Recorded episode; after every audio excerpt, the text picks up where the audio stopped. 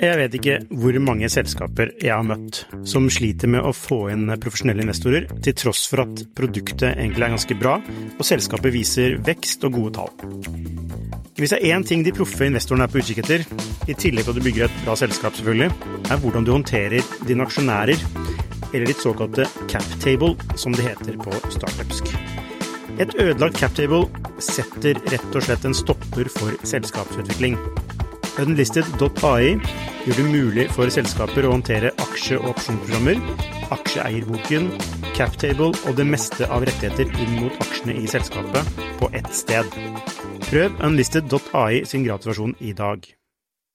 Hei og velkommen til Skifters podkast. Ukens gjest er instituttleder ved Institutt for strategi og entreprenørskap ved BI. Han har forsket på innovasjonsledelse, selskaper som investerer i oppstartsselskaper, og vet ganske mye om hvordan lykkes med å få staten som kunde. Velkommen, Thomas Hoholm. Takk skal du ha. Eh, altså, Institutt for strategi og entreprenørskap. Altså, hvem fant på det navnet?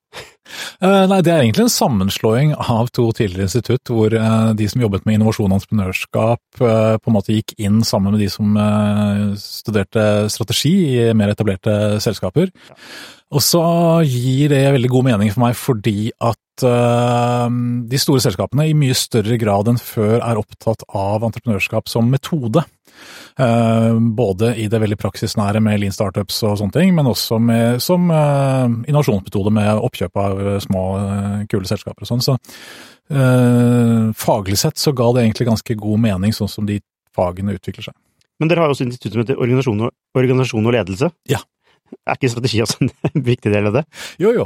Så det er jo eh, adhoc-organisering av fagmiljøer, ikke sant. Men det er ganske store, distinkte miljøer. Organisasjon- og ledelsesmiljøet hos oss er veldig ledelses- og psykologisk orientert. Ja. Kjempegode på det. Mm. Mens uh, mer strukturelle aspekter ved organisering og verdiskaping og forretningsmodeller og en del sånne ting som har med organisering å gjøre, det jobber vi mer med på mitt institutt. Ja, spennende.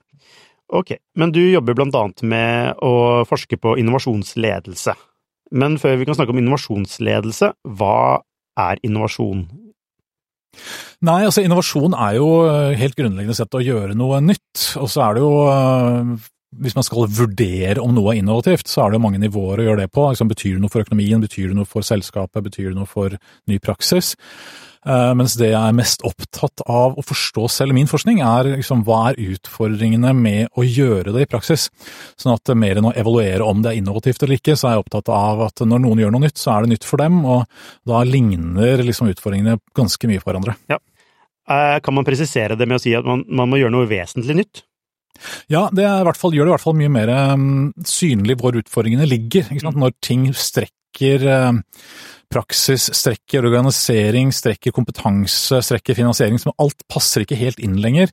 Det er jo da det kommer til syne hva som er vanskelig med innovasjon.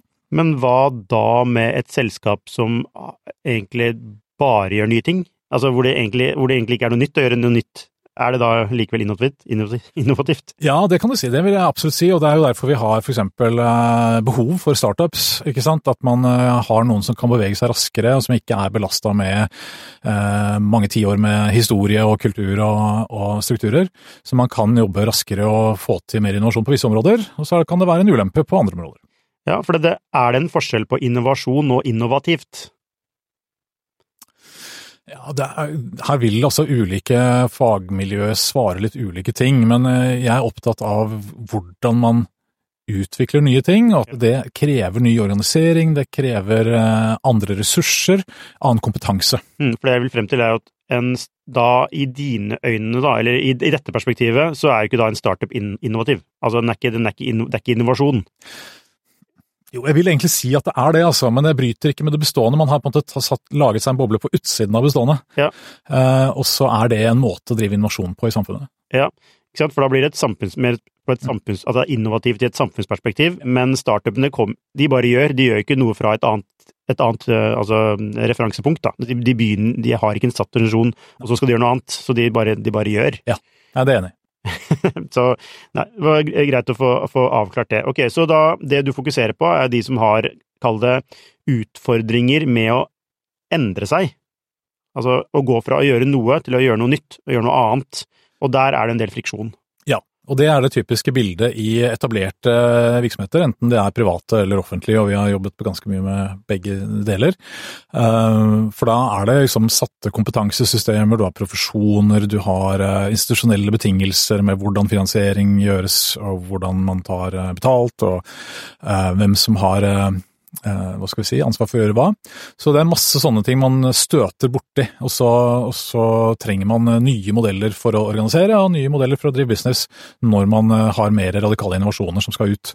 Så, så det er det typiske bildet når vi ser på etablerte virksomheter. Men vi ser også på startups som en innovasjonsmekanisme. Og i din forskning, hva er det du har fokusert på der? Jeg er veldig eh, interessert i de friksjonene, som du sier, og liksom når, når det blir internpolitikk, når det blir eh, maktforskjeller, når man Alt det man gjør for å mobilisere de ressursene og beslutningene man trenger for å komme noen vei, eh, det syns jeg er veldig interessant. Mm. Og mange, mange sier jo at det er krevende å være en gründer. Eh, og det stemmer jo, men det er også krevende å drive med innovasjon i et stort selskap, er det ikke det? Det er, jo, det er krevende, og er, til dels så har det noen fellestrekk med hva som eh, liksom, er det kreative utviklingsarbeidet. Og så er det hva du støter borti, eller hva du må deale med av utfordringer, er litt ulikt, fordi at konteksten er ulik. Så, så i en etablert virksomhet, så hvis du leder et innovasjonsprosjekt, da, du har fått beskjed fra ledelsen om at nå skal du mobilisere for å realisere et nytt produkt, eller en ny måte å organisere på, eller en ny tjeneste, eller et eller annet, så handler den dypest sett om to eh, parallelle prosesser. Det ene er at du hele tiden må passe på at du har nok ressurser, nok tid, nok folk, nok penger og da må du øh, gi veldig klare løfter om hva du skal få til. Det ligner på entreprenørskapslogikken. ikke sant? At mm. du må pitche, og du må lage business case, og du må overbevise andre om at de skal være med på dette. Eh, men i virkeligheten, det vi ser er at når man driver med innovasjon, så dealer man jo med fundamental usikkerhet. Man vet jo egentlig ikke hva som kommer, og hva man selv kommer til å utvikle, for det skal man jo lære i den prosessen. Eh, og Det betyr at du får sånne looper hvor du har utvikla deg en annen retning ved løftet enn det du lovte og fikk ressurser til. Og da må du tilbake igjen og reforhandle prosjektet, kanskje få mer penger, mer tid, eh, og, og, og stå til ansvar for at du gjorde noe annet enn det du fikk beskjed om. Så, så den, disse forhandlingene her er veldig krevende i etablerte virksomheter. Ja, for, det, for en startup, eh, hvis den, den utvikler seg i en annen retning, men som funker, Mm. Så er jo investorene happy, de. Det er helt supert. Ja. Mens eh, det er ikke det samme for staten, kanskje? Nei, ikke for staten, og ikke for, ikke for en stor arbeidsgiver heller nødvendigvis, uh, i, i, privat sektor. Fordi uh, de har sine systemer, de har sine måter å gjøre ting på. og Begynner å bryte med det, så, så passer plutselig det du gjør ikke helt inn med logikken i hele selskapet. Så, så det er ikke så stor forskjell mellom private selskaper, selv om de kan handle litt raskere og litt mer brutalt, så er det likevel en del fellestrekk mellom offentlig og privat med store virksomheter. Men altså, det, det, det virker på en måte litt urettferdig, da. Mm. At, du, at, du, hvis du får noe til å funke, men som ikke er det du egentlig skal gjøre, så får du ikke mer penger, eller du må reforhandle. Uh, så hvordan, uh, altså, hvordan klarer man da å få dette til? Nei, det, er, det, må liksom være en slags blanding av eh, politiker og entreprenør, også internt i store selskaper. Så du må på en måte være en gründer, eller en intern gründer, men samtidig skjønne at du også spiller det politiske spillet. Og du må på en måte treffe andres interesser, og du må skjønne at før eller siden så må det du gjør passe inn i systemet. For du klarer ikke, som regel i hvert fall, å radikalt snu rundt på hele, hele liksom virksomheten i en stor virksomhet. Du, hadde, du, nevnte et nøkkeluttrykk, eh, det politiske spillet. Ja. Eh, det er jo sånn Det er noe som startups ikke må forholde seg så veldig til. Nei, i startups er det på en måte satt litt mer i system, særlig når du får inn uh, større kapital, så WC-gamet. Mm. Der har man jo satt dette litt i system, fordi at erfarne WC-er de kan jo pushe gründeren til å jobbe knallhardt for så lite ressurser som mulig, mm. og vil jo også stille de til ansvar om de har den framdriften som forventes, og veldig ofte så har man jo ikke det, og så øker jo makten til en WC. Så du har et, men du er satt i system på en sånn måte at du skal få større fart på utviklingen. Mm. Og, men i en etablert virksomhet så er jo det politiske spillet sentralt. Yes. Er det Altså, du får ikke til noe hvis ikke du behersker det.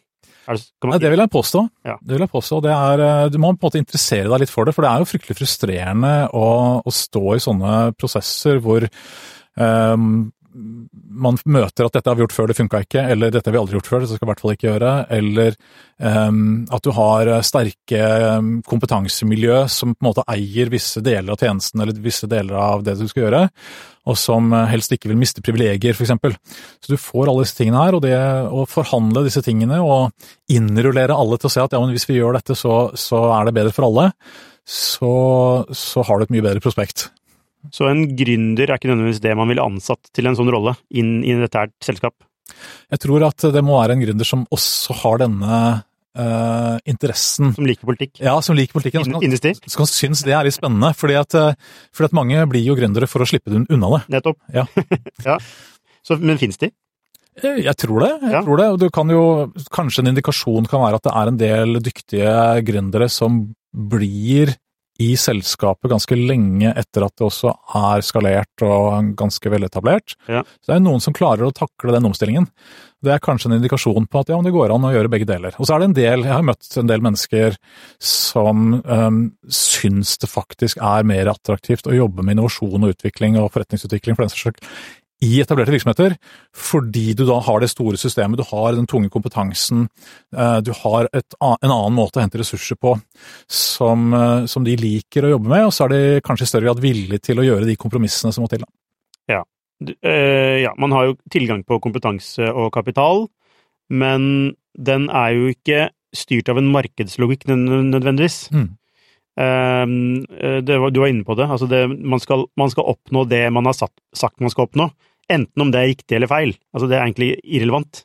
Ja, det er jo en del av de vi diskuterer, da. Og særlig i offentlig sektor så har vi snakka mye om dette med hvordan Altså Det er så lett å si nå til dags at uh, man skal prøve å feile, og at man skal heie på de som gjør feil og sånn, og de som prøver seg. Men når det kommer til stykket, så, så støtter ikke disse systemene det. Uh, du blir stilt til ansvar om du har fulgt uh, budsjett og plan. Og når man driver med innovasjon og endring og utvikling, så er det alltid noe som er usikkert. Så det er alltid noe som kommer til å bli annerledes. Helt garantert. Og det har man veldig ofte ikke systemer eller kultur for å Når det kommer til stykket, backe. Sånn at, uh, og det, du kan teste det på, på ledelsen. ikke sant? Blir det et blame game når, når, det går gærent, eller blir det liksom uh, en, en, produktiv læringsøvelse? Finnes det etablerte virksomheter hvor det er en produktiv læringsøvelse? har du vært borti det? Ehm, jeg sliter med å liksom komme med et veldig tydelig eksempel her nå, men jeg tror at det, er, det skjer i ulik grad. Og en av de som snakker veldig mye om akkurat dette med liksom feiling som en sånn indikasjon på dette, er jo for tiden populære Amy Emensen. Mm. Eh, og, og der hvor du ser at, uh, at ledere på en måte gir støtte til de som faktisk prøver seg. Mm. Der vil du se den, den, forskjellen. Det er veldig vanskelig å sette i system. for at et, et, Man vil jo ikke feile. Nei, og en, og en, stor virksomhet er jo satt opp for å drive effektivt og med høy sikkerhet og høy liksom, forutsigbarhet. Mm. Sånn at dette vil jo antageligvis alltid bryte litt med det bestående. Ja, ja for det, det de gjør, er at de vinner hver dag, på en måte. Altså, de leverer jo hver dag, som yes. du sier. Er, de drifter hver dag, ikke sant. Så, eh, og det å, det å gjøre noe som på en måte ikke ikke er i tråd med det, vil jo være krevende å akseptere, i hvert fall over tid, da. Ja. Ja. Jeg har snakket med for eksempel, for å ta en litt sånn ekstremt eksempel, uh, leger ved noen av landets gode sykehus som har bytta jobb fra et sykehus til et annet, og som har, som har snakket om at uh, på vaktskiftet på det ene sykehuset så kunne de virkelig snakke ut og lære av og dele erfaringer rundt ting som ikke har gått så bra. Det skjer jo feil, dessverre, også i helsevesenet, og det er en vesentlig læringsmekanisme. Og så kommer de til et annet sykehus, og så ser de at ja, her må vi faktisk skjule enhver feil, ellers så går det fryktelig galt med min karriere. Og det er jo et veldig dårlig tegn.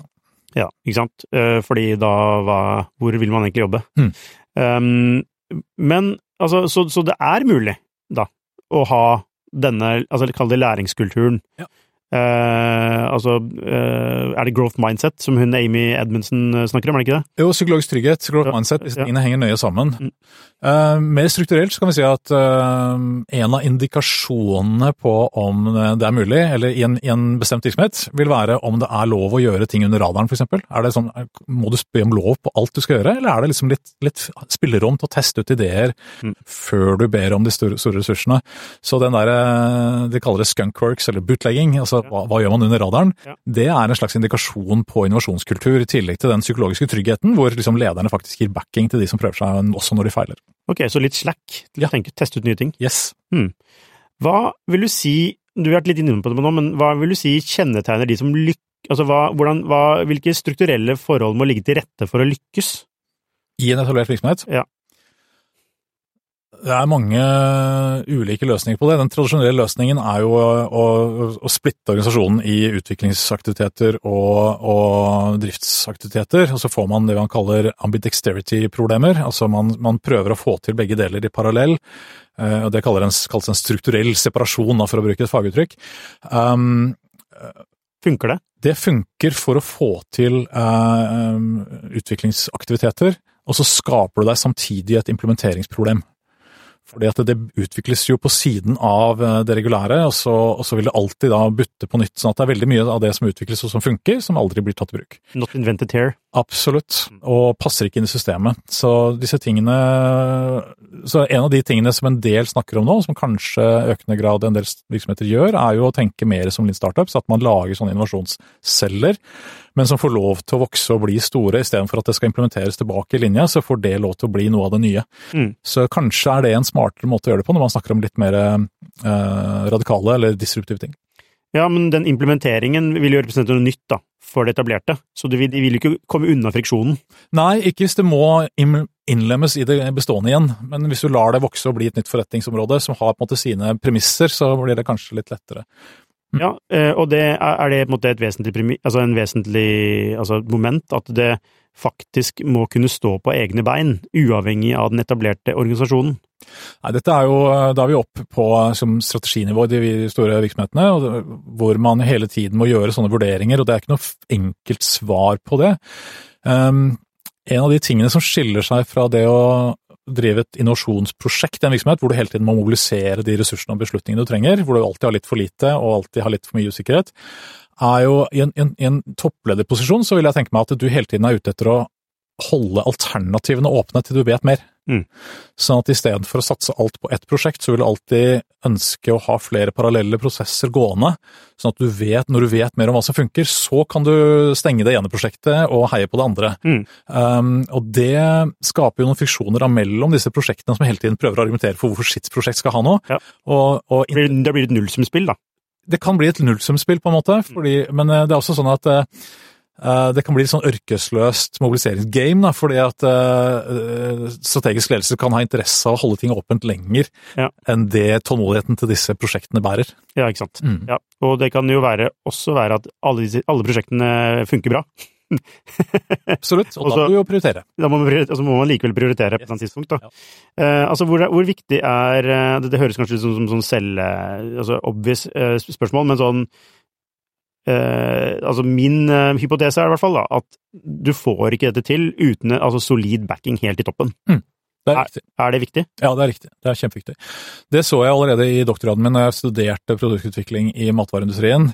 Eh, Og det morsomste prosjektet jeg fant, og som jeg derfor endte opp med å skrive doktorgraden min om, det var jo eh, et samarbeid mellom eh, Tine og en fiskeoppdretter på Bømlo som heter Bremnes Seashore. Og de lagde etter hvert et joint venture. Og så viste det seg at det de egentlig skulle lage fra starten av, var altså en salami av laks. Mm. Som jo var teknisk sett veldig innovativt. Ja. Ingen hadde laget det før. En salami av laks? Yes. Ok. Ja. Med grisefett? Nei, med, med fiskefett. Det er Ja. fett i laksen. ja, ja, det Men, men med bakteriekulturer fra kjøttindustrien. Ja. Um, og det var masse forskning, masse spennende utviklingsarbeid som foregikk for å få det der til å funke teknisk. Altså dette var mikrobiologi på veldig høyt nivå. Mm. Uh, og så fikk de det til, og så klarte de jo ikke å kommersialisere det. Uh, og det er jo på en måte sånn uh, enkelt å si at det var vanskelig. Um, men det som skjedde i forlengelsen av det, var jo at de eh, fikk grep om veldig godt råstoff, altså veldig god laksefilet med veldig høy kvalitet, Mm. som Rømnes eh, leverte. Og så skjønte de at ja, men vi kan jo faktisk gjøre noe for å lage en markedskategori på utsiden av den normale fiskeindustrien, eh, som etter hvert da ble salmalaks. nettopp. Så her har man jo etablert altså helt, en helt ny markedskategori, en ny måte å selge fisk på, med utgangspunkt i noe som egentlig skulle vært en pølse. Ja. Eh, veldig morsomt. Og der, eh, der kan du si at uh, uh, grunnlaget for å få noe sånt igjennom i et system som Tine, som er jo et svært selskap, driver med masse med innovasjon, er veldig inkrementelt veldig ofte, men har veldig også masse tung kompetanse. Det måtte forhandles hele veien, hele veien opp. sånn at det at det fantes folk på det prosjektet, og linjeledere over det prosjektet igjen, som hadde veldig god samtaleevne med eh, toppledelsen i Tine, mm. Eh, var hele grunnlaget for at det skulle være mulig å gjøre den eh, pivoteringen av det prosjektet fra å selge laks, man har investert mange millioner i, til, nei, pølse, til, til, å selge fersk laks på en ny måte. Men den beslutningen om å lage laksesalami for Tine er vel ikke helt sånn det er ikke det, de tar ikke beslutning om det hver dag? Det gjør de ikke. Så dette oppsto som et veldig morsomt prosjekt i FoU-avdelingen, hvor, hvor, de så på hvordan de kunne utnytte overskuddsproteiner fra, fra osteproduksjon. Eh, så viste det seg at det kunne jo brukes til å stabilisere den typen fettsyrer som uh, trengs å stabiliseres i en, eh, en, pølse. Så de fikk til en teknologi, men de endte opp med å kommersialisere noe helt annet. Nettopp. Det er jo Dette er jo egentlig en Dette er jo derfor vi må ha grunnforskning. Ja. Fordi vi vet ikke. Nei. Eh, altså eh, men, men, her var det jo en, både en sånn en villighet til å utforske, men som du er inne på, da, den, det er den pivoteringen Eh, den ville ikke alle akseptert. Nei. Eller det er, der, det er det Tine gjorde riktig, da. Det vil jeg si. Eh, og jeg, når jeg presenterte denne forskningen på internasjonale forskerkonferanser i USA og sånn, mens jeg holdt på med den, så fikk jeg liksom reaksjoner fra eksempel amerikanske forskere som sier at ja, men dette hadde du aldri fått til i et amerikansk selskap. Fordi altså hadde du kommet som prosjektleder med denne endringen, da hadde du fått sparken. Man kan jo stille spørsmålet ok, hva, hva gjør dette for Tine? Ja, Det er jo et godt spørsmål. Nå er jo ikke Tine eier lenger. og Det er nok nettopp fordi at det er såpass annerledes fra det som er kjernevirksomheten til Tine. Og at det kanskje ikke heller ble i, i Tines skala ble stort nok. Nei, men da hvor, Og da blir det mer en finansiell eh, affære ikke sant? hvor man kanskje man eh, er, er med å utvikle noe som man kan selge, og så tjener man noe penger på det. Ja. Så det egentlig var, det var en god business. Mm. Men hvis, du, hvis, hvis, det er målet i tidene, med pengene sine, så kan de gjøre andre ting som kanskje gir enda bedre penger. Altså, da kan de investere penger i, kanskje ikke akkurat nå, i aksjefond, men, eller andre ting. Men eh, så, så det gir, jo, altså, det gir jo egentlig ikke mening for Tine å gjøre dette. Altså å, å, å, være med på den pivoteringen, altså, altså, strengt tatt, da. Nei, det kan du si, og det er et godt spørsmål. Altså, det, det, startet jo egentlig med at Tine ønsket å bruke overskuddsressurser og kompetansen sin på nye måter, så det startet jo veldig med sånn nysgjerrighetsdrevet. Um, og selvfølgelig at man hadde en portefølje av prosjekter hvor man kunne se om man kunne kombinere råvarer eller eh, ingredienser fra landbruk og havbruk sammen. Mm. Det var flere prosjekter som gikk i parallell med dette. Um, men så er det klart, når da man har investert masse i prosjektet, og så ser du at ja, men hvis dette prosjektet skal lykkes, så må vi faktisk prioritere, og da må vi faktisk utelate vesentlige deler av det vi har putta inn i prosjektet av kompetanse og teknologi mm. for at dette skal bli lykkes så var det Det var der liksom store usikkerheten gikk, men for, det er der jeg sier at fordi man hadde de evnene til å, å forhandle til topps, og presentere argumentene på en fordelaktig måte, og særlig når man begynte å få litt bevis på at ja, det funker. Når eh, Jacobs på Nordstrand selger eh, massive mengder av dette ferske laksproduktet, så bidrar jo det til at alle vil ha del i en suksesshistorie, heller enn å insistere på at dette skal forlenges inn i noe som kan bli en fiasko. Ja, nettopp. Eh, du nevnte at man ikke lykkes med å kommersialisere laksesalami. Mm. I wonder why. Eh, men uansett um, Altså, Salma-laksen blei jo da kommersialisert. Ja. Hadde Tine innvirkning på det, eller var det noe de skapte på egen hånd? Ja, Det er et interessant sånn samspill mellom uh, ulike virksomheter, og kanskje også samspillet mellom uh, en slags uh, Altså dette er en joint venture startup, da, og de etablerte systemene. Så det som det, det viste seg når man hadde dette fantastiske råstoffet hos Bremnes, var at det var veldig vanskelig å få en ekstra verdi for så bra kvalitet på laksen gjennom de etablerte markedskanalene. For der var på det tidspunktet alt, all omsetning av laks var bulk, ja. så det var liksom bare pris. Um, og så da måtte det kanskje en landbruksaktør inn, som kan merkevarebygging, som har andre distribusjonskanaler, som har tilgang til eh, supermarkedhyllene på en eh, ganske avansert måte, osv., osv., for å lage en annen kategori, lage en annen måte å selge på, og så hadde også Tine eh, mikrobiologisk kompetanse som kunne gjøre at de kunne kvalitetssikre at dette holdt sushikvalitet ti dager fra pakking. Mm. Og det, den, den, kvalitetsgarantien må du kunne gi når du skal lage en høykvalitets merkevare. Så jeg tror at det at man kom fra et helt annet vinkel, fra et helt annet system, var nøkkelen til at man kunne lage det alternativet. Og så har jo fiskeindustrien kommet etter etterpå, eksempel med, med, med Frøyas. Ja, absolutt, men uh, da må det jo ha vært en, noen, kall det innovative krefter internt i Tine, ja. som bidro til kommersialiseringen av dette? Ja. Eh, og nå legger vi liksom all trykket på Tine, for vi snakker ja. om de store virksomhetene. Men ja. det skjedde jo også på Bømlo i Bremnes, og de er jo nå uh, hele greia, ikke sant. Mm. Men det er klart at Tines litt mer innovative folk da, som syntes det var spennende å utfordre systemet, som spennende å prøve seg på noe helt nytt. Mm. Litt intern cowboyvirksomhet, samtidig med en veldig sånn sterk nysgjerrighetsdrevet eh, FoU-avdeling, ja. var litt av nøkkelen for det. Altså, uh, det er ikke noe sånn at noen hører det jeg sier, men jeg, jeg pleier i hvert fall å si at altså, løsningen på, kall det corporate innovation, det, det, ligger, altså, det ligger i menneskene som er i selskapet i dag. Mm. Det handler egentlig om ledelse og strukturelle forhold som legger til rette for at man faktisk gjør det. Altså, det er ikke noe dårligere mennesker. Eh, som altså, tvert imot så, så, ser man jo at eh, man går ut av etablerte selskaper for å starte eh, altså virksomhet, fordi man ikke får det til internt i, i virksomheten. Ja. Er du enig i det?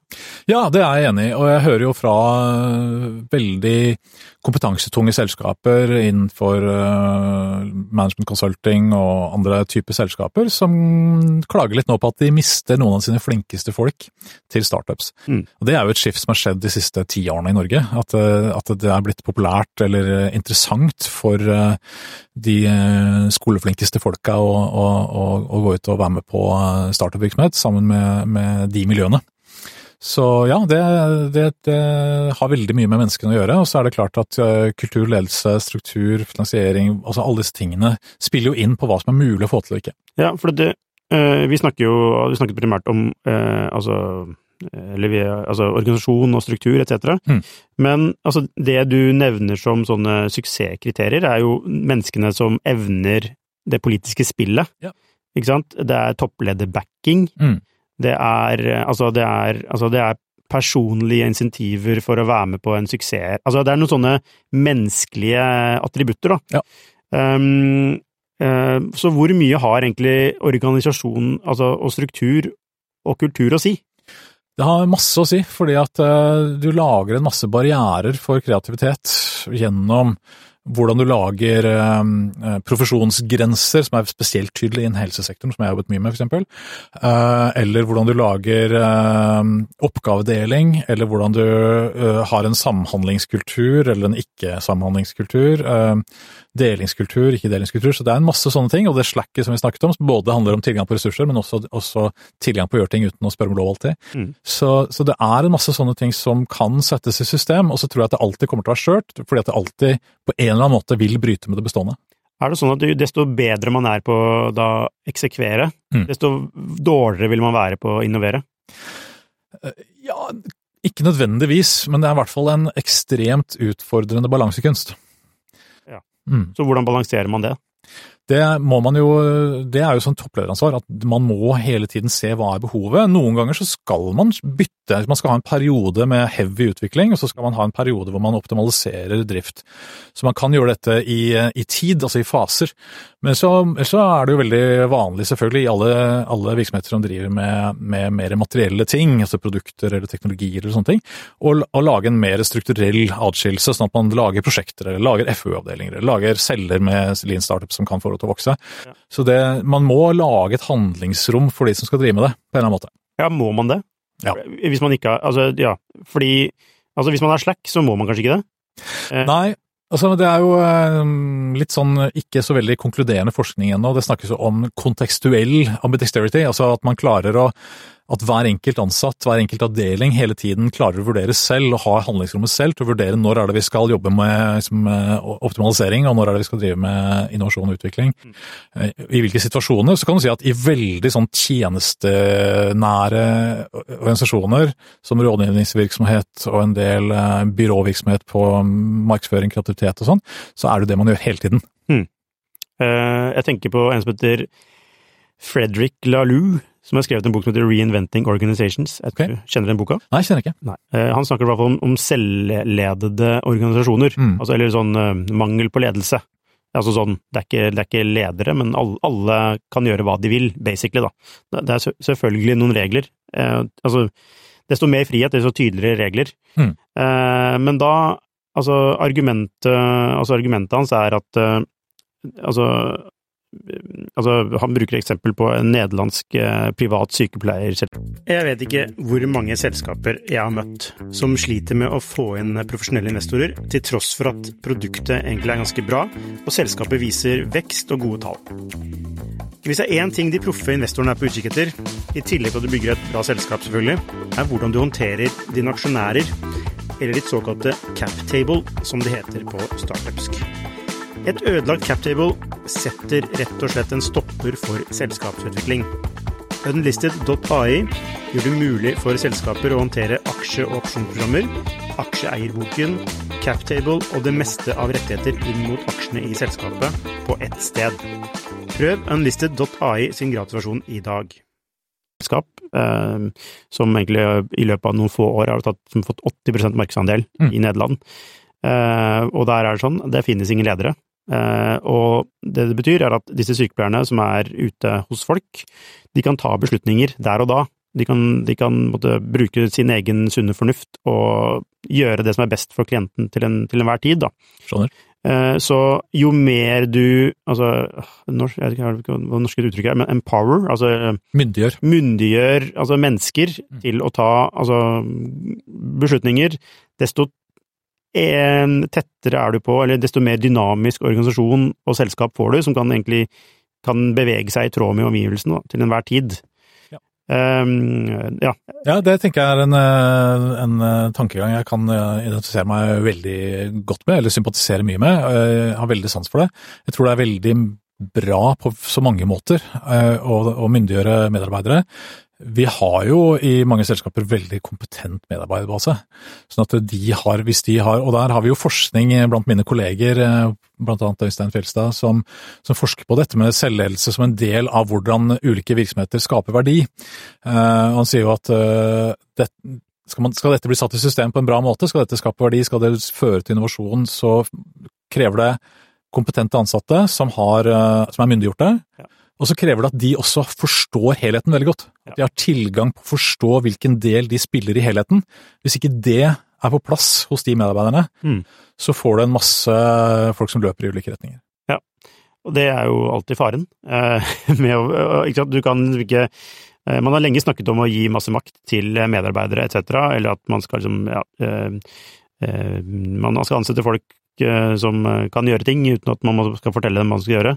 Eh, men da det, det, det, det, fordrer, da, som du sier, at det er flinke folk. Ja. Det, er liksom, det er ikke alle du kan gjøre det med. Nei, det må i hvert fall være liksom, i tråd med hva slags uh, kompetanse og mestringsmuligheter de har. Mm. Eh, og så må de på en måte forholde seg til helheten, og så må vi også gi de god, uh, god informasjon om den helheten de skal delta i. Ja. vi var litt inne på dette med toppledere. altså, hva kjennetegner topplederen som klarer å bygge en, kall det en innovativ virksomhet? da? Det krever konstant fokus, fordi at uh, som toppleder så står du også til ansvar overfor noen. Om du ikke eier hele selskapet selv, så, så, er det noen du står til ansvar for. Enten det er staten i en offentlig virksomhet, eller det er uh, aksjonærer. Så uh, det krever altså at du må vokte den innovasjonsfunksjonen, for det er den skjøreste, det er den som fortest forsvinner, det er den som er lettest å kutte når, når det er tøffe økonomiske tider osv. Så, videre.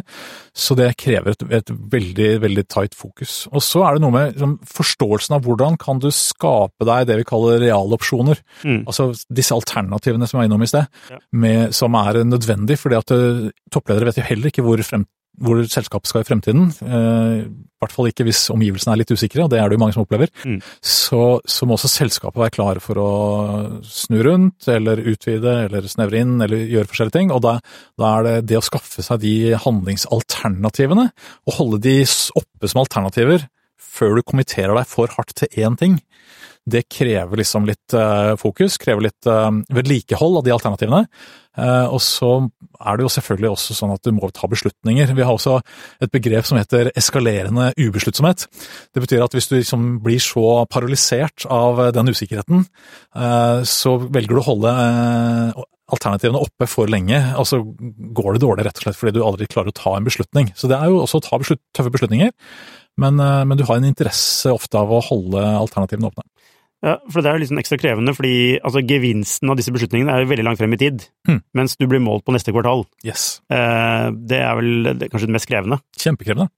Og det, jo, det, bør jo eiere også ha blikk for, at utviklingsarbeid det krever, det tar mange, mange år. Ja. Så, men det er klart, eh, i mellomtiden så skal selskapet også overleve må topplederen være på, på, lik linje som de ansatte, gode politisk, eh, altså beherske det politiske spillet. Bør topplederen også beherske det politiske spillet oppover mot sine eiere? Ja, det må de. Men noen ganger så tipper jo det litt over, for de som blir eh, liksom velrenommerte toppledere, og som blir i topplederstilling lenge, eh, kan jo kanskje mistenkes for å være litt for flinke på det, og kanskje litt for eh, lite modige på å ta et selskap dit selskapet bør gå, hvis, sånn som man ser det på bakken. Ja, jeg nevnte et nytt nøkkelbegrep som jeg mener er essensielt, og det er mot. Mm. Modige. Yes. Eh, har du reflektert noe rundt det? Eh, ja. Eh, når vi jobber med ledertrening, lederutvikling for helsesektoren, som jeg har jobbet veldig mye med de siste årene, eh, så er faktisk et av de, en av de tingene vi har som formål, det er å utvikle mer mot hos disse lederne i helsesektoren. At de tør mer i et system som er veldig rigid og, og veldig ressursbegrenset, og som hvor konsekvensene av det man gjør også kan være ganske store på godt og vondt. Så, så kan det være krevende å, å, være den som utfordrer, være den som prøver noe nytt, prøver å gjøre ting på andre måter. Um, og når vi får tilbakemeldinger om at, uh, at, disse lederne er blitt litt mer modige, da blir vi veldig, veldig glad. Jeg tror det er utrolig viktig. Er det attraktivt med modige ledere for sånn eiere generelt? Vi ønsker man å ha modige ledere? Jeg tror, jeg tror, eh, de som ansetter toppledere i hvert fall, vil ha en uh, veldig trygg kombinasjon av litt mot og uh, liksom uh, trygghet for at dette er en person som ikke gjør for store sprell. sånn at her er det jo en utfordring på hva vi, hva vi ansetter. Ja. Ok. Um, har du noen sånne konkrete eksempler på altså et syke, altså du jobber mye med og altså, mm. helse, altså, ja. har du noen konkrete eksempler på altså, et sted hvor det funker veldig godt?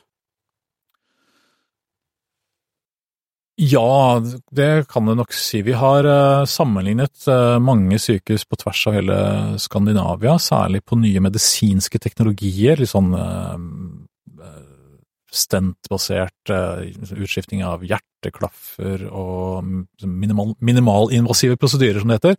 Det er skikkelig high-tech. Det er ordentlig uh, big business globalt. Uh, og det er utrolig flinke sykehus som både skal finne ut av hvordan de skal bruke det, og som finner ut av hvordan det skal implementeres. Og vi har særlig da forsket på, og sammen med noe som heter Intervensjonssenteret på Rikshospitalet i Oslo, som er en slags FoU-avdeling, hvor, hvor, de prøver ut nye teknologier fra hele verden eh, på, på minimal, minimalinvasive prosedyrer og, og, bildebehandling. Altså det kan være avansert hjerneskanning og, og, veldig avanserte metoder for å intervenere i eh, kroppen uten å åpne opp. Mm. Um, de, de, har skapt et veldig kult miljø med alt fra matematikere til ingeniører til uh, veldig, veldig flinke leger og sykepleiere av ulike art. Og de har organisert seg tverrfaglig. Og det er uvanlig i helsesektoren, at man eh, klarer å lage en organisasjon for tverrfaglighet. Mm. Um, og, og, de har også vært veldig klare på at de skal la disse profesjonskampene spille seg ut som en del av utviklingen. Det er vi trygge på at det må skje, og det må vi la foregå i trygge omgivelser. Ja. Så disse forhandlingene om hvem er det som skal ha rettigheten til å gjøre hva mm. uh, når helt ny teknologi kommer inn, det lar de seg spille ut der. Og det har vi fulgt på nært hold, og det har vært veldig fascinerende. Ja, så, så tverrfaglighet er uh et nøkkelbegrep? Det er et nøkkelbegrep, fordi at du vil jo ha flinke folk i disiplinen sin, samtidig som disse flinke folka i disiplin, hvis de skal jobbe med innovasjon, så må de alltid jobbe på tvers. Mm. Det, du må alltid ha ressurser du ikke har selv, du må alltid eh, lære noe fra noen andre som eh, kan noe annet enn deg. Ja. Sånn at eh, den tverrfagligheten er en, er en kjempenøkkel. Så da har man en slags, laget en slags sånn ideell setting for å få til innovasjon i helsesektoren på teknologisiden. Ja.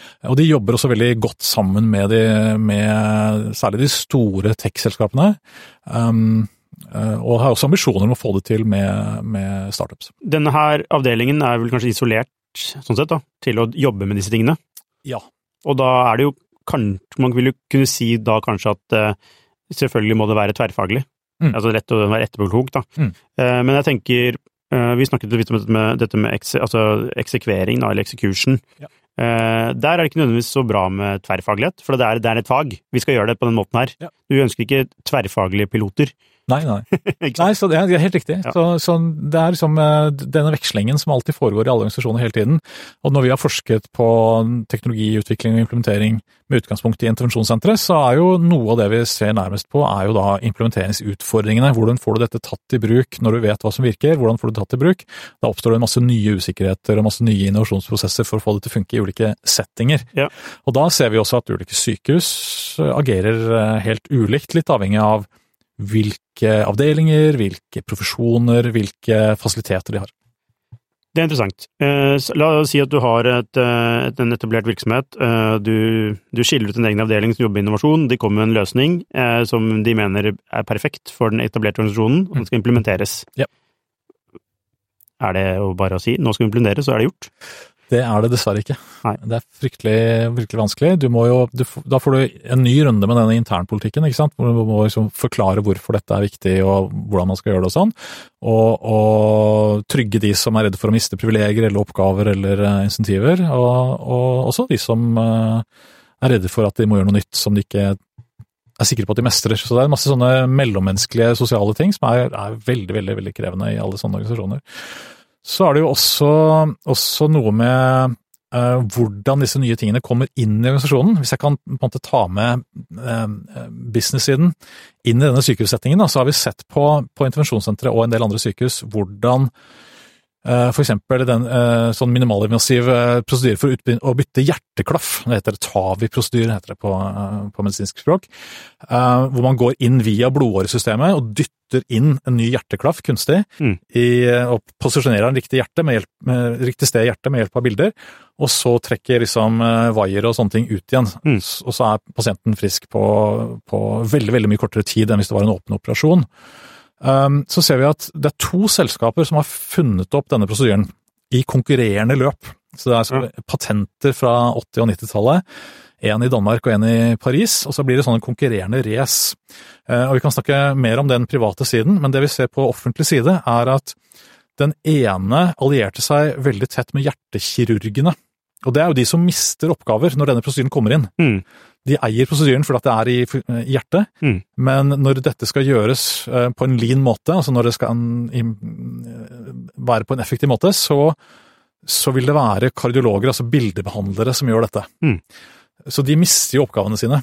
Og Det ble en mye tyngre prosess å få godkjenning på, det var en mye tyngre prosess å, å, å selge på, mens de som allierte seg med kardiologene fra start, eh, på selskapssiden, de eh, eh, kunne bevege seg mye raskere både fram til medisinsk godkjenning eh, og til eh, eh, de første reelle anvendelsene, sånn at implementeringen gikk raskere og lettere, men bare i visse sykehus da, hvor det lot seg gjøre politisk. Ok, bare eh, jeg mista det, men sånn, den, første, den første gruppen var det det var, Sa du hjerteleger? Nei, Kirurgene, kirurgene. de som er, bruker skalpell og åpner opp og Ok, sånn, og ja, det andre var kardiologer. som bruker bilder, ikke sant, som behandler behandler via avansert teknologi og ser ting på bilder.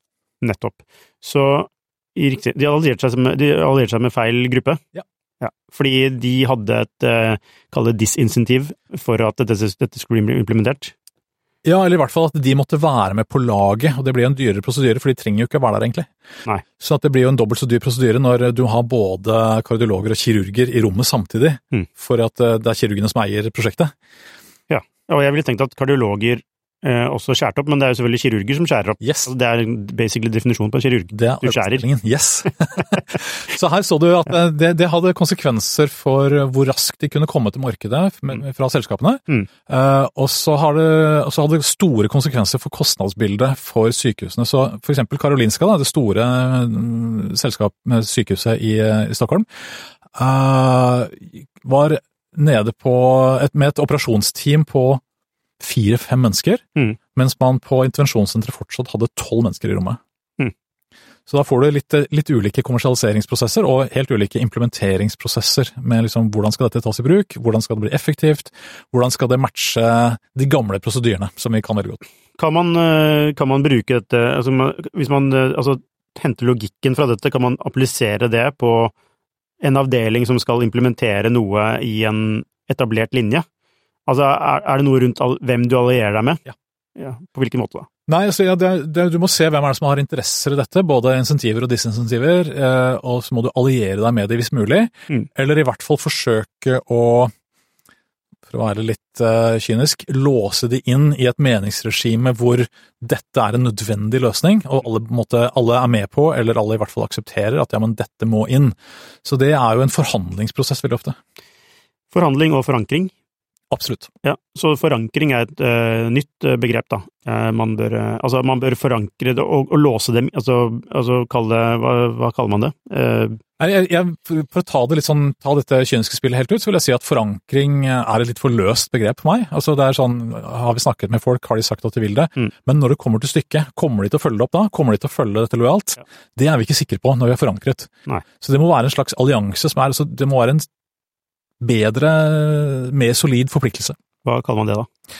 Eh, nei, allianse tror jeg er et bedre ord. Mm. Mm. Ja, fordi det må, altså, det må være faktisk en reell forpliktelse fra de som skal implementere. Ja. Eh, De må se at dette er det riktige å gjøre. Ja, De må måles på det. De må, de må stille til ansvar for hva de gjør for å bidra til at det virker, virker osv. Eh, fordi man kan jo Ofte så tegner man jo en såkalt burning platform. Mm. Eh, altså hvis vi ikke gjør det, så blir hele avdelingen borte. Ja. Er det effektivt begrep? Grep?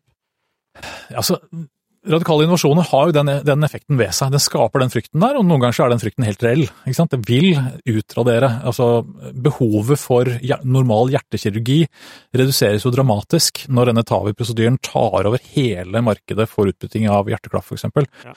Så det har jo gått fra liksom noen titalls eh, testoperasjoner i året til at det nå gjøres hundretusenvis av sånne operasjoner i året. Mm. Og det er klart at da har du også som kirurg øvd i flere tiår på å bli verdensmester på å styre en skalpell. Og så gjelder det ikke lenger. Det er helt annen kompetanse som skal til. Så dette gjelder jo alle store virksomheter. Eh, bare prøver å liksom se, altså, altså, se hvordan man kan liksom overføre det til en, etabli, altså en, en vanlig type, typisk innovasjonsprosess. Da. Mm. Eh, og um, altså, Du snakker om dette med forpliktelse. Eh, og så snakket vi om dette med Vi kaller det burning platform. Altså, altså Det må være en grunn til at de skal forplikte seg. Ja. ikke sant? Eh, du snakker om, det, om å måle dem på det. Ja. Da er toppleder involvert.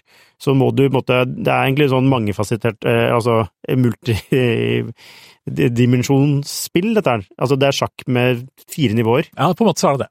Så, så øh, ja, du har det spillet, du har de alliansene hvor du både kan motivere, men du kan også låse folk inn i visse handlingsspor.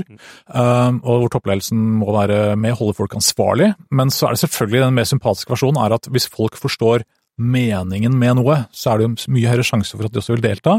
Hvis de forstår at de har en rolle i det fremtidige bildet, så vil de jo delta mye mer frivillig. Ja. Eh, og hvis deres kompetanse er verdsatt, så er det klart at da vil de også kunne bidra med noe veldig produktivt. Ja, men jeg tror det midt- midterste du sa er essensielt, da. Det med at de har en fremtidig rolle. Ja. Eh, selv om, fordi de kan skjønne meningen med noe, men hvis de ikke har en fremtidig rolle, så hva skjer da? Ja, da, da har du jo et, eh, et mye vondere ut, utgangspunkt. Ofte er jo resultatet av en innovasjonsprosess at det blir færre folk som jobber med dette her, men på en annen måte. Det kan det være fordi at man skal ønsker gjennom innovasjon å gjøre ting eh, bedre og billigere, eller bedre og mer effektivt, så er det helt, det er helt riktig. Ja. Så, sånn, men det er jo den typen omstillinger som vi må ta hele tiden i økonomien, og flinke mennesker finner seg jo stort sett noe nytt å gjøre, sånn at, eh, men, men det er vanskelig.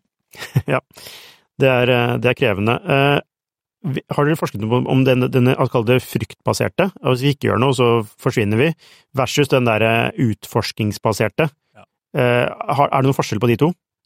Ja, det er jo på en måte litt sånn klassisk endringsledelse som, eh, som er sånn veletablert i litteraturen. Altså hvis folk forstår at hvis vi ikke endrer oss nå, så går det nedover. Hvis man har en dyp forståelse av det, så er det mye lettere å få til endring. Mm. Eh, at man eh, som endringsleder godt kan på en måte jobbe for å synliggjøre den typen endringsutfordringer for å mobilisere for, for, for endring er utrolig viktig. Så er det jo sånn at folk, og det, det her er vi, stå, er vi ganske godt stilt i Norge med med liksom den flate strukturen og, og tilliten og alt dette her, med at uh, folk gjør jo en bedre jobb og en mer kreativ jobb hvis de har litt mer handlingsrom, er litt mer autonome, har gode relasjoner på jobb, uh, opplever at de er verdsatt, opplever at de har innflytelse på e- egen situasjon.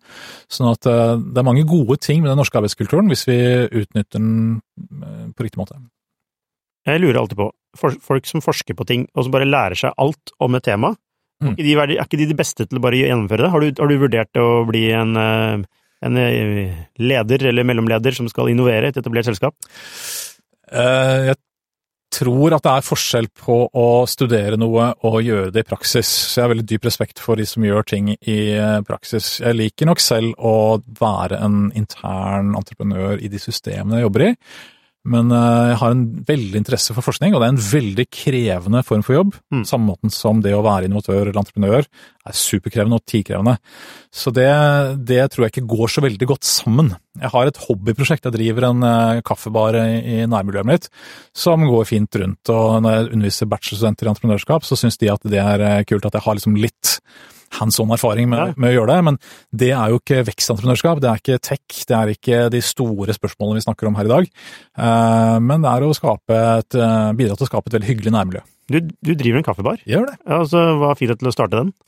Det var egentlig noen andre som startet den, og så ville gründeren av dette, denne kaffebaren ut av det, Pga. eh, personlige årsaker, i 2015. Så da tenkte jeg ja, men dette er jo et sted hvor jeg liker å ha hjemmekontor. Ja. Um, kan vi ikke se om vi kan få dette til å liksom brushe det opp litt og få det til å gå bra og bli et uh, hyggelig nærmiljø- og familieprosjekt? Ja, Og går det rundt? Det går kjempefint. Ja. Supert. Og vi har også fått med en eh, litt mer eh, erfaren og profesjonell aktør på laget, så vi jobber sammen med eh, Fossekallen, som driver Fuglen og Ja. andre kule steder. Så Ja. de, de har jo bidratt med God kaffe. god kaffe, absolutt. Vi hadde god kaffe før det òg, men de, de brenner veldig god kaffe. Og de har opplæringssystemer, de har innkjøpsavtaler, så vi blir en del av et større system som gjør at jobben min som hovedeier blir veldig mye enklere. Men gjør, altså, mm, hvor mye gjør du selv, og hvor mye har du outsourca til altså, ansatte? De første tre årene så gjorde jeg nesten alt selv. Så jeg var på en måte daglig leder ved siden av full jobb på BI. Eh, Det betyr at jeg var innom hver morgen for å sjekke at alt var ok. Jeg gjorde innkjøp eh, på vei hjem fra den vanlige jobben min, og osv. osv. Det var fryktelig nyttig for å lære gamet. Og så når jeg på en måte føler jeg har runda det, Mm. så var det naturlig å ta dette over i et mer profesjonelt system som kunne videreutvikle det og heve kvaliteten ytterligere. Mm. Men, eh, og, og som gjør at jeg kunne frigjøre tiden min til å både prioritere jobb og familie. Så hvor mye tid bruker du på det i uka? Nå bruker jeg veldig lite. Nå er jeg styreleder og, og har en eh, flink daglig leder og er en del av et, eh, et profesjonelt system. Så nå tar det ikke eh, veldig mye tid. Er jo veldig morsomt Mm. at du, du gjør dette her. Eh, Det er jo veldig sånn on, altså, on brand. Eh, Men du er også instituttleder. Ja. Altså, er det, er det bare det er, det, er, ofte noe som går på, omgang, på rundgang, eh, er det ikke det? Jo, det er åremålsstillinger, Ja. så vi må liksom sirkulere litt, ja. Men er du, tar du altså, lederbegrepet instituttleder alvorlig? Veldig. Og hva, hvordan bruker du det du har lært Mm. gjennom forskningen til å lage det til det mest innovative, eller mest innovative instituttet på BI? Du, eh, jeg har altså personalansvar for mer enn 50 mennesker, så det er en ganske Oi, omfattende ganske lederjobb. Ja. Eh, Og jeg ser på den mest strategiske jobben jeg gjør som leder de fire eller åtte årene jeg står i denne stillingen, eh, er ansettelser. Så hva slags kompetanse får vi inn? Og der har jeg vært veldig bevisst, sammen med eh, mitt instituttråd, med å ta beslutninger som handler om å rigge instituttet for fremtidige kompetansebehov. Vi har ansatt folk som kan hands on maskinlæring, kan undervise i det, bruker det som forskningsmetode, har jobbet med det i, i eh, næringslivet eller offentlig sektor. Um, folk som kan veldig mye om digitale forretningsmodeller, ting som er viktig for oss å forstå når vi skal studere strategi og entreprenørskap framover. Så vi har ansatt en del flinke folk som, uh, som er unge og lovende og veldig flinke forskere fra som internasjonalt gode skoler, så det har vært en sånn viktig jobb. Og det er det som på en måte kommer til å leve veldig lenge etter meg. Ja. Og så har vi jo en veldig sterk forskningskultur, det er fantastisk dyktige forskere hos meg, så det handler mye mer om å gi de nok tid, nok handlingsrom, nok eh, fred Ja. til å gjøre det de allerede er fryktelig flinke på. Ja, så ikke, basically ikke gjøre noe som helst. På forskningssiden Ja. er det litt det. Mm. Vi må videreutvikle eh, infrastrukturen, altså møteplassene, idédelingen, Mm. eh, utfordringen av hverandre. Ja. Vi er jo hverandres ramsalte kritikere. altså Vi kjører forskningsseminarer. Du vil ikke tro hvor tøffe vi er med hverandre når vi utfordrer hverandres eh, forskning. Og Det er for å gjøre den mer robust og hjelpe hverandre til å få dette ut i verden i gode publikasjoner og sånne ting. Så der jobber vi med en infrastruktur som funker, en kultur som funker, og det, den skal bare beholdes. Men så er det klart at på undervisningssiden, disse underviser jo også alle disse her eh, forskerne, så må vi omstille oss. Så der må vi drive et pedagogisk utviklingsarbeid. Hva er det arbeidslivet krever av studentene våre fremover? Og der gjør vi ganske omfattende endringer for å, for å, for å gjøre det. Og det er klart, det er ikke alltid populært, fordi eh, da får man jo mindre tid til den andre tingen som er forskningen. Så hvordan implementerer du denne endringen selv? Nei, da må jeg ansvarliggjøre i veldig stor grad, for dette er jo faglig fryktelig flinke folk, og jeg kan ikke komme og fortelle de hvordan de skal gjøre ting. Det ville ikke jeg likt selv heller. Nei. Men jeg kan ansvarliggjøre det og sette det sammen og si at her så etterspør arbeidslivet noe annet enn det vi leverer i dag. Dette må dere løse. Og så må jeg holde fast til den. Eh, halvår, halvår, halvår, eh, og komme tilbake igjen. Hva har dere gjort med dette? Eh, og, og gjøre, og være tøff på de forventningene til hva dette skal løse. Og så er jeg veldig åpen for at det kan løse på ulike måter, og der kommer de andres kompetanse inn. Eh, Men når du kommer hvert halvår, har de gjort noe? Ja, det gjør det. Når de, når de skjønner at jeg ikke gir meg etter, etter den første påstanden, så, så gjør det. Og det har også vært eh, situasjoner hvor jeg har bytta ut folk for at jeg vil ha de riktige folka på å levere eksempel eh, mer analyse, AI-orientert eh, hands on-kunnskap. Ja, apropos det, ja, hva, er det, hva, er det, hva er det næringslivet etterspør? Altså, hva, hvilk, som du må, altså, hva har vært typisk stor endring i siste På strategisiden, altså strategiarbeid er jo blitt mye mer innovasjonsarbeid og, og entreprenørielt. Mm. Um, og en del av det er jo informasjons- og datarevolusjonen.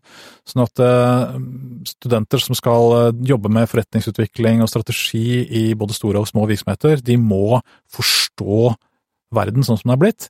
De må forstå nye måter å skape verdi på i en digital verden, eh, og de må også ha litt hands on kunnskap i hvordan gjør man disse tingene. Hvordan virker maskinlæring egentlig?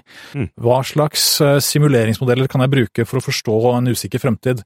Og alle disse tingene det kan vi ikke bare undervise konseptuelt, vi må også gjøre utvikle ferdighetene til folk. Da.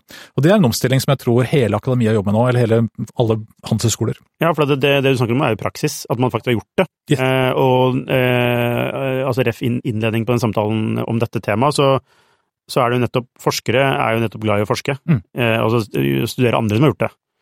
Men, men det, det du er inne på der, har jo vært min sånn eh, altså kritikk mot altså, altså akademiske miljøer eh, lenge. Det er nettopp det at de, de kun forsker, de gjør det ikke. Eh, fordi det er annerledes å forske eh, versus å gjøre ting. Eh, altså, fordi det, du fanger ikke opp nyansene på samme måte når du kun forsker på ting. Ja. Så, Jeg er enig. Det, det er viktig for meg eh, når vi, når vi rekrutterer og trener og utvikler våre egne folk, at de har denne kombinasjonen. Sånn at eh, ideelt sett så er det jo nydelig å ha i hvert fall noen av eh, forskerne våre som har jobbet noen år i næringslivet før.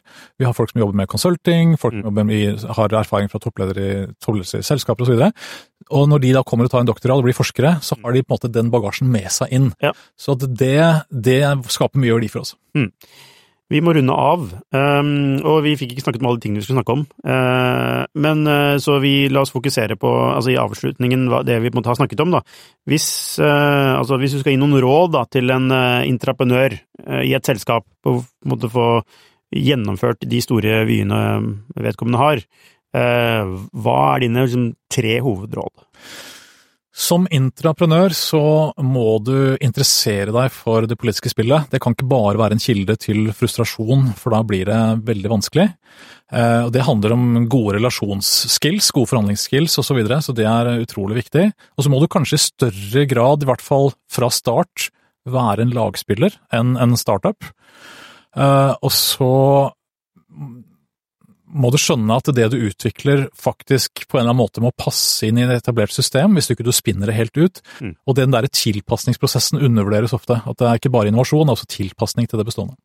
Implementeringen. Yes. Ja. Og topplederstøtte. Du må sikre topplederstøtte. Absolutt. Det er kjempeviktig. Ja. Og er det sånn at du, er, det er godt nok med toppleder, eller må du ha noen flere i toppledelsen? Nei, du har forsket på toppledergrupper, og der er det ofte at gode toppledergrupper, der spiller liksom toppledergruppen litt ulike roller. Så noen er djevelens advokat, og noen er supporteren, og noen er liksom eh, rådgiveren med kunnskap og sånn. Så at det at det finnes en god dynamikk i toppledergruppa er det viktigste. Ja. Men hvis du overbeviser djevelens advokat, så går det bra. Da har du kanskje gjort eh, prosessen mer robust òg. Ja, nettopp. Litt RF, det du sa om forskning, og hvordan dere, hvordan dere utfordrer hverandre på forskningen. Eh, Thomas Holm, det har vært en eh, glede å ha deg her i studio og snakke om disse tingene. Jeg ønsker deg masse lykke til videre med forskningen, og ikke minst med kaffebaren din. Takk for det.